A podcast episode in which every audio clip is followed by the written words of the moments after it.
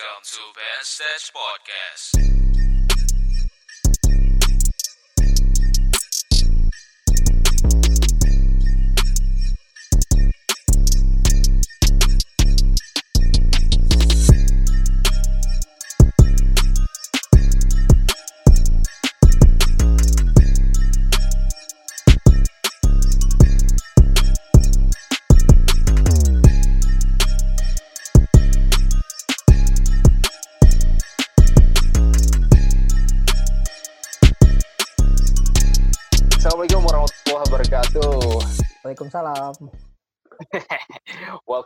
Everybody to Wednesdays Podcast. Ah, hari ini kita mencoba untuk eh, metode yang berbeda lagi karena eh, kita nggak bisa ya asal ketemu aja di saat musim sekarang.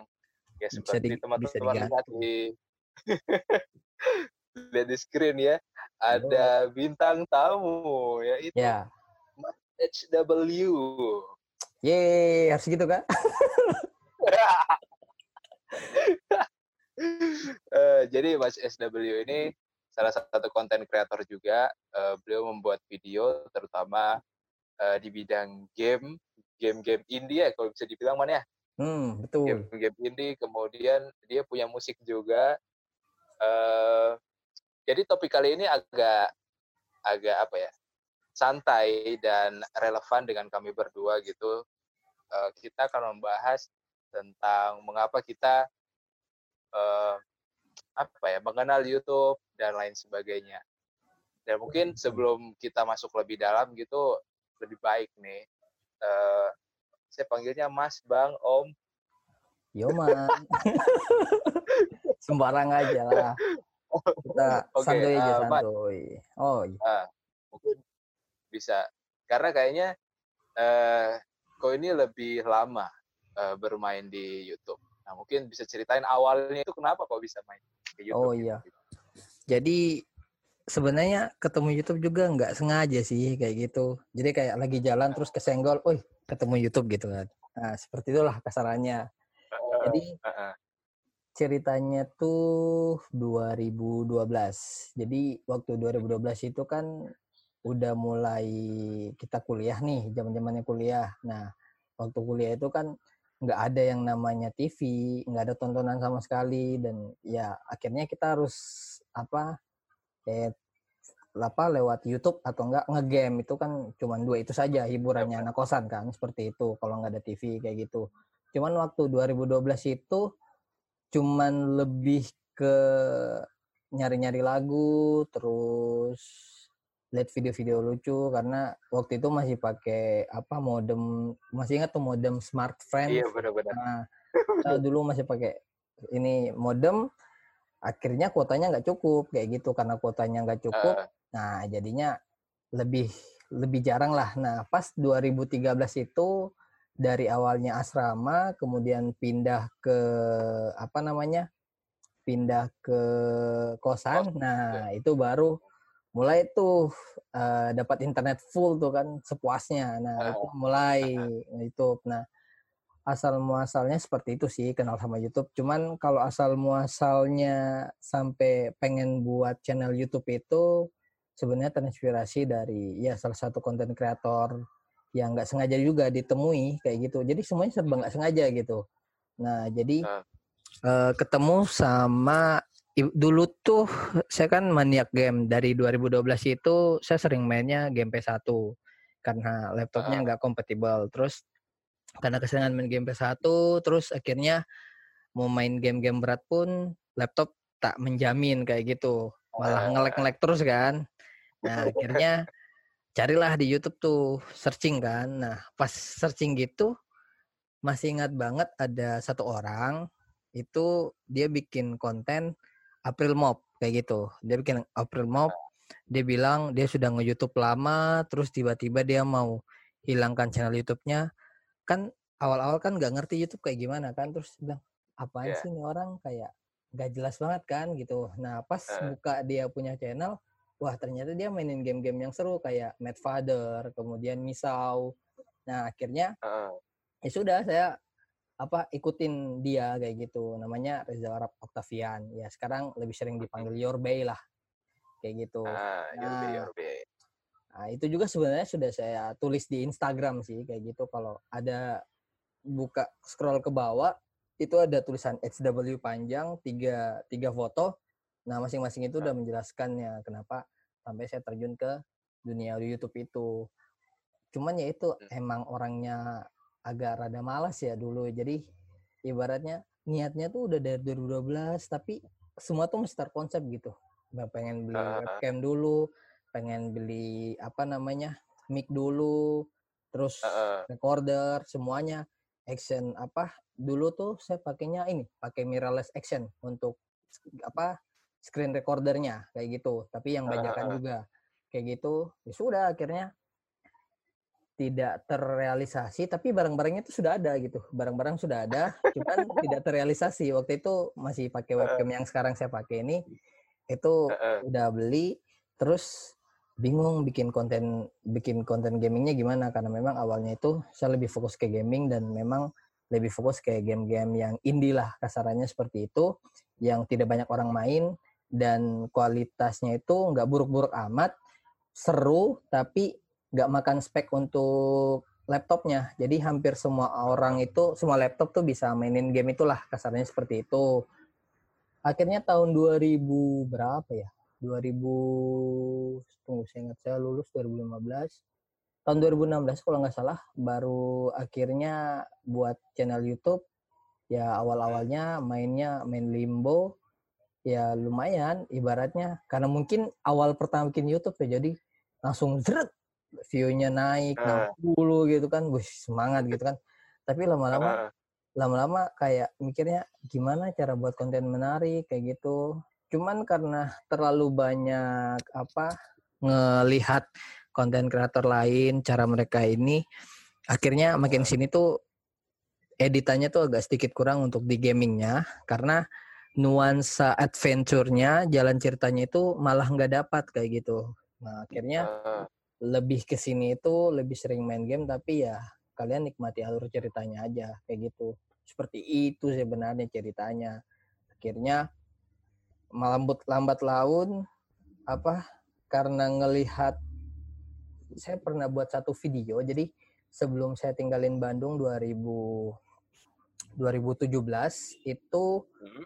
eh, saya ada buat satu video ibaratnya kasarnya selama tinggal Bandung lah kayak gitu. Nah di situ tuh view-nya ngelunjak gitu kan. Ih kok kalau misalnya saya bikin yang bukan konten gaming kok banyak view-nya kan kayak gitu. Nah Ah. akhirnya ya sudah coba-coba buat vlogging lagi buat vlogging beberapa vlogging udah keluar terus ketika waktu saya dapat acara dari apa perusahaannya saya selesai acara itu kemudian vlogging lagi terus lihat interestnya orang banyak Ah. semua kayak gitu nah akhirnya konsep di YouTube saya malah bukan sebenarnya gaming tapi nggak nggak semuanya gaming. Jadi lebih sekarang everything I want to do it lah. Saya mau lakukan apa pun kayak gitu kan.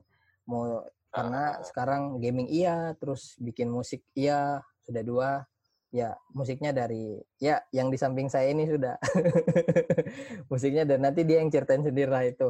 Terus eh, bikin vlogging iya sebenarnya masih ada beberapa konsep yang mau saya lakukan cuman rada kayak agak susah karena ngatur dengan jadwal kerja ya jadi kerja Senin sampai Jumat Iya, terus iya, benar. sampai sore Sabtu Minggu kadang-kadang Sabtu mau bikin konten tuh ah terus istirahat gitu kan lagi tidak ada Iya, poweringnya tuh agak susah gitu karena Heeh. ya ibaratnya dari 17, 18, 19, 20 hampir 4 tahun lah sekarang lah kasarannya buat YouTube Heeh. dan ya begitu-begitu saja nggak terlalu drastis tapi memang tujuan saya bukan lebih ke viewers eh subscriber cuman lebih ke have fun-nya saya doang kayak gitu lah lambat launnya juga mm, lambat launnya juga apa ibaratnya nanti pasti ada ketemunya kayak gitu cuman yang saya Ah. senangnya itu adalah yang paling saya senang itu sekarang kalau nge-search HW Herman Syawahid Heeh. itu pasti langsung nemu kayak gitu. Orang kan kalau Aha. bikin konten-konten kreator di awal kan nyari nama tuh susahnya minta ampun kan. Nah, Iya, iya, benar, itu. Terus awal mulanya juga bisa namanya HW itu ya itu gara-gara pengen ibaratnya ketika kita search search di Google apa di kolom searchnya itu itu kita bisa bisa dapat kasarannya notice lah karena kalau Herman Herman banyak. Hermansyah Hermansyah anak Oh. Hermansyah juga ada Hermansyahnya kayak gitu kan. Iya, terus iya. Wahid Wahid juga banyak. Ada yang apa Mas Wahid itu yang nge apa nge dia buat video tentang jual-jual mobil. Nah makanya Heeh. saya coba mikirkan apa. Terus nggak tahu kepikiran dari mana. Nama depannya saya H nama dengan W jadi H Ah. W ah itu sudah kayaknya ya sudah bikin kayak gitu aja ya sudah seperti itulah sampai sekarang ya konsepnya seperti inilah seperti Iya. itu Berarti sejauh empat tahun dalam jangka waktu yang panjang, YouTube ini ibaratnya jadi apa ya? Sebuah terapi mungkin man ya, kayak pelepas penat, kemudian menyalurkan hobi dan segala macam gitu ya. Iya, eh kalau kalau dipikir ya mungkin ibaratnya karena memang saya kerjanya di laptop dulu saya punya laptop Asus sekarang dipakai sama adekku itu eh, tidak semua aplikasi itu bisa masuk di sana kayak gitu. Sehingga sebenarnya ketika kita nge-YouTube itu beberapa aplikasi bisa kita explore kayak Adobe Premiere terus Adobe Illustrator Adobe Audition terus apa lagi ya Photoshop FL Studio. Nah itu kan salah satu semua semua itu yang akan berkaitan satu sama lain seperti itu. Nah cuman berhubung RAM saya penuh di apa sana sehingga ya kita belajarnya cuma di Adobe Premiere gitu. Dan sebenarnya di beberapa vlog saya yang lama itu ada beberapa eksperimen yang sudah saya lakukan. Kayak misalnya eh, pemindahan kayak misal dari satu video ke video lain tapi dengan gambar yang bergerak. Kayak contoh misalnya kayak kita lagi bikin rekam video terus kena tembok eh pas masuk ke ini udah gambar yang selanjutnya. Ya itu ibaratnya Hmm. pembelajaran-pembelajaran itu yang ibaratnya memacu saya biar oh kayaknya bikin ini enak nih kayaknya bikin ini enak nih. Bisa nggak ya bisa nggak ya? Hmm. jadi lebih penasarannya tuh ada gitu gimana cara bikinnya. Oh kayak gini. Dan patokan saya sebenarnya kalau mengenai apa pemindahan-pemindahan itu lebih ke belajar dari Agung Hapsa sih kayak gitu itu ibaratnya kebanyakan kita lihat konten kreator itu bisa buat kita mau bikin apa gitu di YouTube. ada itu. banyak inspirasi ya. Hmm, betul seperti itu. Terus saya pernah tuh ada video yang paling saya suka tuh man pas kamu Q&A kalau nggak salah tuh Ah, yang yang editannya kembaran gitu ah, itu meskipun apa ya cukup sederhana bisa aku bilang cuma eh, komunikasinya kemudian editing dan ekspresi wajah itu sangat menghibur menurutku tuh. Itu masalahnya Q&A itu pertama dan terakhir kayaknya. Bukan why terakhir, why? saya pernah buat pernah pernah saya lemparkan satu lagi Q&A kalau kayaknya pernah itu saya pernah buat Q&A satu lagi gitu. Tapi ketika Q&A-nya datang terus ngeblank bos ini mau bikin apa ini mau dieditnya seperti apa?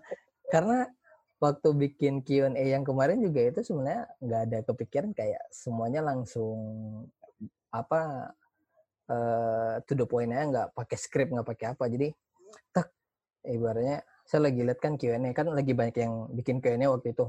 Coba iseng-iseng ih ada beberapa bikin Q&A nih saya lihat-lihat gini. Ih lumayan juga ya. Kayak gitu. Ya udah terus bikin dapat. Nah langsung ini diapain ya? Oh saya tahu. Panggil adekku kan alam sini. Kita masuk di kamar kamar kita baca satu-satu. Eh. Oh, pokoknya itu udah ibaratnya urat malunya diputus-putus betul lah gitu. Bikin kayak gitu. Pas tanya ini bang kapan ini? Lah lu siapa? Itu tuh ceritanya tuh begini kayak gue samping top lah lu siapa? Langsung gue lari ke sebelah lagi. Lah lu yang siapa? Langsung lari lagi ke sebelah. Jadi sebenarnya kalau dilihat rekaman aslinya itu kayak lari-lari gitu langsung. Ya makanya ya ya cuttingnya benar-benar langsung. Pas itu baru di cutting sebenarnya paling enaknya itu ketika kalau bagusnya itu kita rekam gini kan dia masih ngadep sorry wow dia masih ngadep begini. Nah Heeh. tapi masih dalam satu ini pas gini itu sudah ada dia. Jadi tiba-tiba dalam satu layar itu ada kita berdua. Itu sebenarnya paling bagus. Cuman memang Ah. itu harus benar-benar diskrip kenapa? Ah, karena kita harus potong potong layarnya itu. Jadi kita bikin dua adegan tapi dengan Ah. skrip yang kita baca terus kita lalu siapa? Nanti baru pas di editing di Adobe Premiere atau apa Filmora itu tinggal kita cut yang sisanya. Jadi kita cut yang sebel yang video sini kita cut sini jadi kita gabungin toh jadi satu kayak gitu Oh, jadi mirip crop gitu ya. Di Hmm, crop dia di crop videonya. tapi ada kita udah kasih batasan di tengah loh. Jadi Ah, kamu itu nggak boleh lewat dari situ. Kalau kamu lewat kena croppingnya seperti itu. Kayak gitu. Dan memang jujur itu viewers yang Q&A itu parah itu tinggi gitu.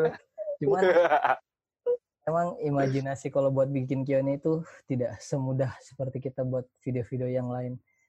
Seperti iya itu. sih, benar-benar. Karena ya itu mungkin karena kontennya sangat menarik ya. Memang sederhana tapi menarik. Itu berarti menandakan kalau ternyata orang-orang itu nggak peduli apa ya, maksudnya nggak peduli gimana suasana ruangannya, tapi bagaimana kita mendelivery sesuatu yang Iya. kita pengen omongin gitu. Ah, itu sudah. Coba ibaratnya nggak tahu ya kalau misalnya musik seperti apa. Apakah kalau musik kan itu berarti kan 4 4 menit, 3 menit kayak gitu kan. Nah, Hmm. aku kalau bikin vlogging terus bikin gaming atau apa, aku udah tuh kadang-kadang suka miris gitu. Ini kenapa yang nonton cuma satu menit gitu? Kena cuma dua menit kayak gitu. Makanya kalau sebenarnya dilihat dari konten gaming gue sendiri itu. Mulai dari yang durasinya sampai 25 menit itu sekarang saya singkatin cuma sampai 10 menit doang. 10, 8, 7 paling mentok 15 lah kalau memang tidak bisa di skip kan. Karena Ah, ah, ya saya mikirnya dari situ juga ketika kita recordnya sudah panjang sekali kayak gitu tapi yang nontonnya cuma satu menit itu kayak kita ngasih kue besar begini dia cuma ambil chip gitu mau bahas ya. kadang kadang stres tuh muncul bilang ini kenapa yang nonton cuma segini kadang tuh kayak itu dulu ya dulu tuh kayak kenapa Eh. bisa sampai no view udah satu hari no view Eh. publish lagi no view no view tapi lama lama sini no view udah biasa cuman empat ah. biasa nanti juga next gitu tapi memang kebanyakan dari YouTubeku sih yang lebih disuka itu vlogging sih. Itu memang zup nah gitu. Dan memang Iya. kalau lagi memang capek banget itu kadang-kadang saya minta adekku yang ini sih yang ngedit kan kayak gitu.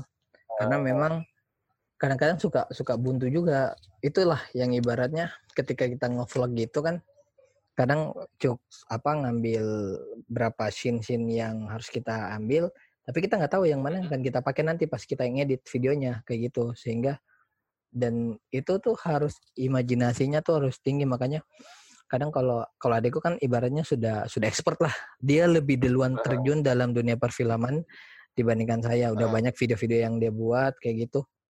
Sehingga dia paham gitu mau Hmm. bikin apa-apa mau bikin apa-apa. Makanya kadang dia itu buat mentahannya terus saya tinggal bilang oh ini kurang ini ini kurang ini kurang ini kurang ini kurang ini kurang ini. Dan kalau udah baru dibayar gitu Oh dibayar juga ternyata ada. ya? jelas harus dibayar itu Berarti harus bagus kontennya. ya harus bagus kayak gitu Keren, keren. Oh, saya juga baru tahu tuh, Man. Kalau eh, itu ngaruh kah kalau misalnya kita punya video panjang karena eh, sering-sering juga saya punya video panjang tapi ditonton maksimal tuh tiga menit biasanya. nah Kayak tutorial tuh biasanya 15 menit yang ditonton tiga menit doang gitu. nah Pengaruhnya apa sih? sebenarnya itu sebenarnya saya juga suka bingung. Kadang tuh pengaruhnya tuh yang pertama itu coba lihat baik-baik dari dia punya paket. Kebanyakan orang nonton YouTube itu kan biasa lewat handphone. Banyak jarang ada yang lewat PC dan kalau misalnya coba dibuka lebih detail di analisisnya itu akan akan di YouTube tuh enaknya itu dia bisa menganalisis ini videonya dibuka dari platform mana? Apakah lewat Instagram, apakah lewat YouTube langsung, atau lewat WA itu kebaca semua. Dan orang dapat dari negara mana saja yang baca, yang nonton itu juga ada di situ. Terus berapa banyak view-nya. Nah, itu. Makanya kalau misalnya kit, kalau saya sendiri sih bikin konten gaming nggak nggak kepanjangan. Ya karena itu masalahnya di situ. Buat apa kita bikin panjang-panjang tapi nggak ditonton kayak gitu. Jadi ketika kita bikin durasi pendek ditonton tiga menit dengan durasi panjang, nonton dengan tiga menit juga, itu kan kepuasannya beda kayak gitu. Ibaratnya kita dikasih kue yang kecil, tapi tinggal tinggal secip tinggal segini, kita kasih besar cuma dicip segini kan, itu ibaratnya Iya, effort iya, kita udah lebih, tapi ya ya nggak nggak apa nggak munafik juga kita harus tahu bahwa kita butuh viewers gitu kan kita butuh ditonton iya, karena benar. kita lu nonton nih weh gue udah bikin ini capek-capek gitu kan. Sebenarnya kayak gitu lah kayak gitu kita udah capek-capek bikin malah tidak ditonton gitu kan. Nah seperti Oke, itu. jadi menurutku ketika orang memutuskan untuk apa ya mengupload sesuatu membuat sesuatu itu sebenarnya juga berharap ada yang melihat karena untuk apa kita upload kalau nggak ada yang lihat gitu ya? Gak usah main sosial media menurutku iya ibaratnya eh tidak tidak munafik lah kasarannya. Kita Nah. memang upload itu tujuannya buat dilihat. Kalau nggak dilihat ya ngapain lu upload kan? Kasarnya seperti itu. Cuman ya bisa dibilang karena mungkin sudah terbiasa seperti itu dan tidak semua konten kreator itu bisa langsung vuk, dia naik kayak gitu kan. Ada yang Z kayak kalau lihat beberapa youtuber Indonesia yang stagnan kemudian tiba-tiba drastis naik contoh kayak Eno Bening.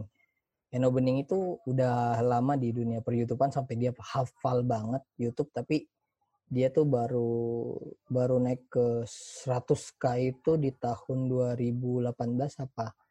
18 ap- 18 apa 17 gitu. Baru mulai dia naik naik naik. Dia mulai bikin k- konten-kontennya sendiri kayak gitu. Karena makin ke sini tuh kayak game aja. Game itu kalau saya lihat kalau nggak MOBA mo- Hmm. apa game-game HP game-game yang lagi ngetren kayak RE itu sebenarnya bukan masalah saya nggak mau main juga ya siapa sih yang nggak mau main RE apalagi yang remake remake kayak gitu. Cuman apalah laptop kita yang tak kuat gitu kan. Mana mana harganya mahal banget lagi hampir 500 700 mending kita wishlist dulu nanti kalau ada diskon baru beli kayak gitu. Iya benar-benar. Gitu. Nggak coba beli follower eh beli subscriber man eh saya lebih memilih menggunakan marketing yang sangat jahat sekarang yaitu contohnya adalah teman saya ada dokter saya bilang begini bro sini kalau kau lagi rawat pasien langsung buka YouTube-nya. Bu tolong di subscribe channel ini. Oke? Seperti itu.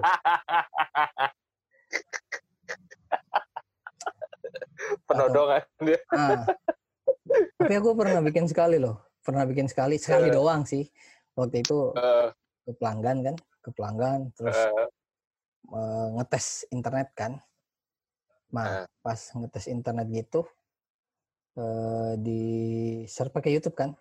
Pas dia salah Eh. data langsung aku cepat tek, langsung follow. tek, Sudah, matiin. Bu, ini udah bisa ya.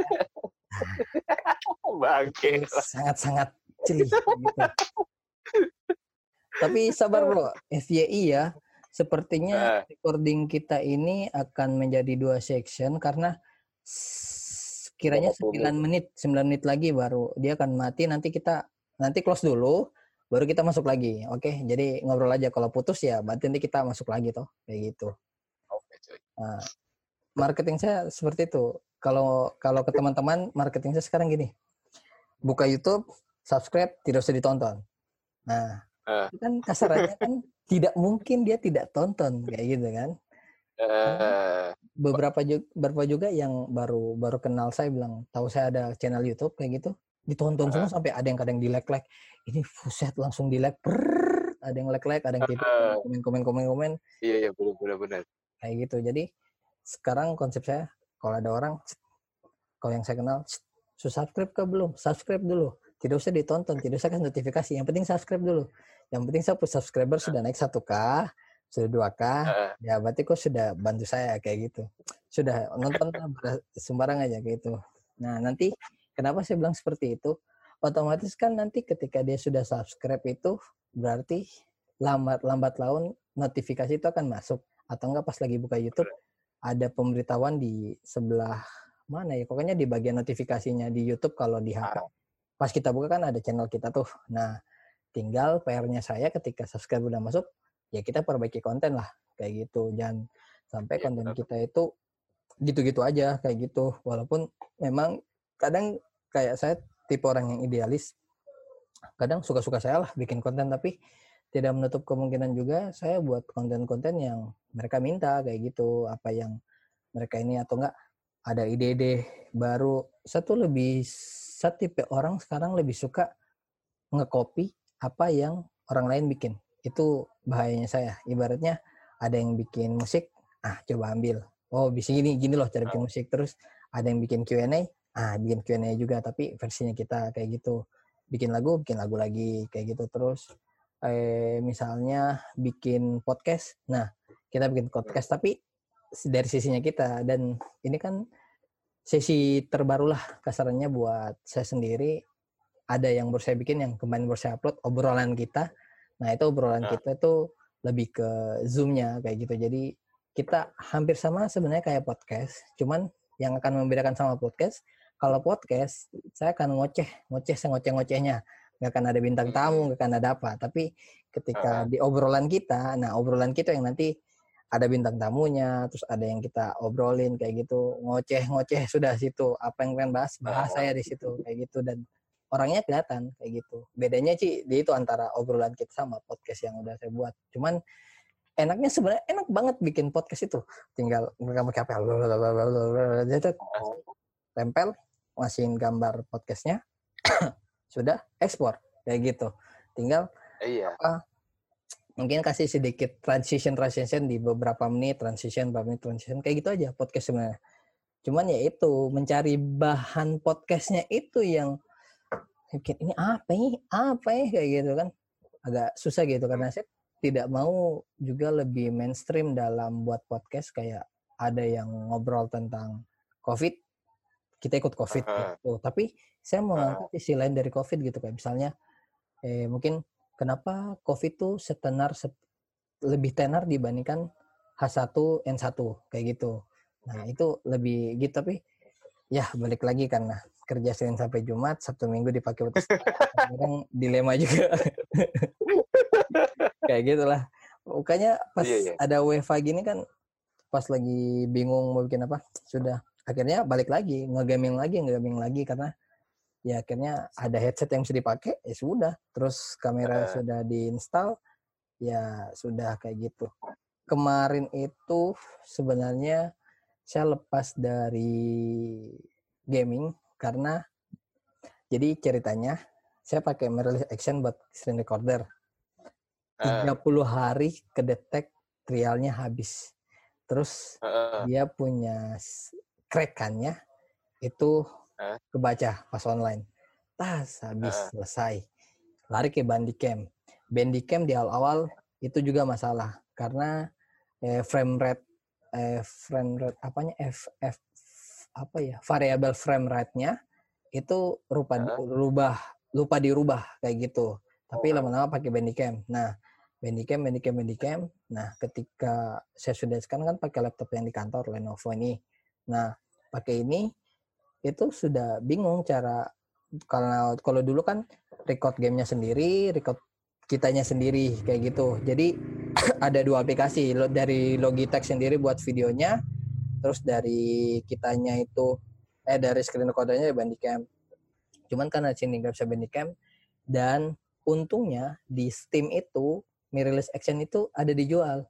Akhirnya waktu Yes. itu pas wishlist akhirnya saya wishlist terus beli diskonnya tuh 70% jadi tinggal berapa ya 30 ribu kah 40 ribu langsung dibeli kayak gitu akhirnya sekarang pakai itu doang jadi langsung dari pas rekam gamenya itu ada di samping pokoknya ada pilihan menu di mana tampilin gambar kita. Akhirnya pakai webcam buat Hmm.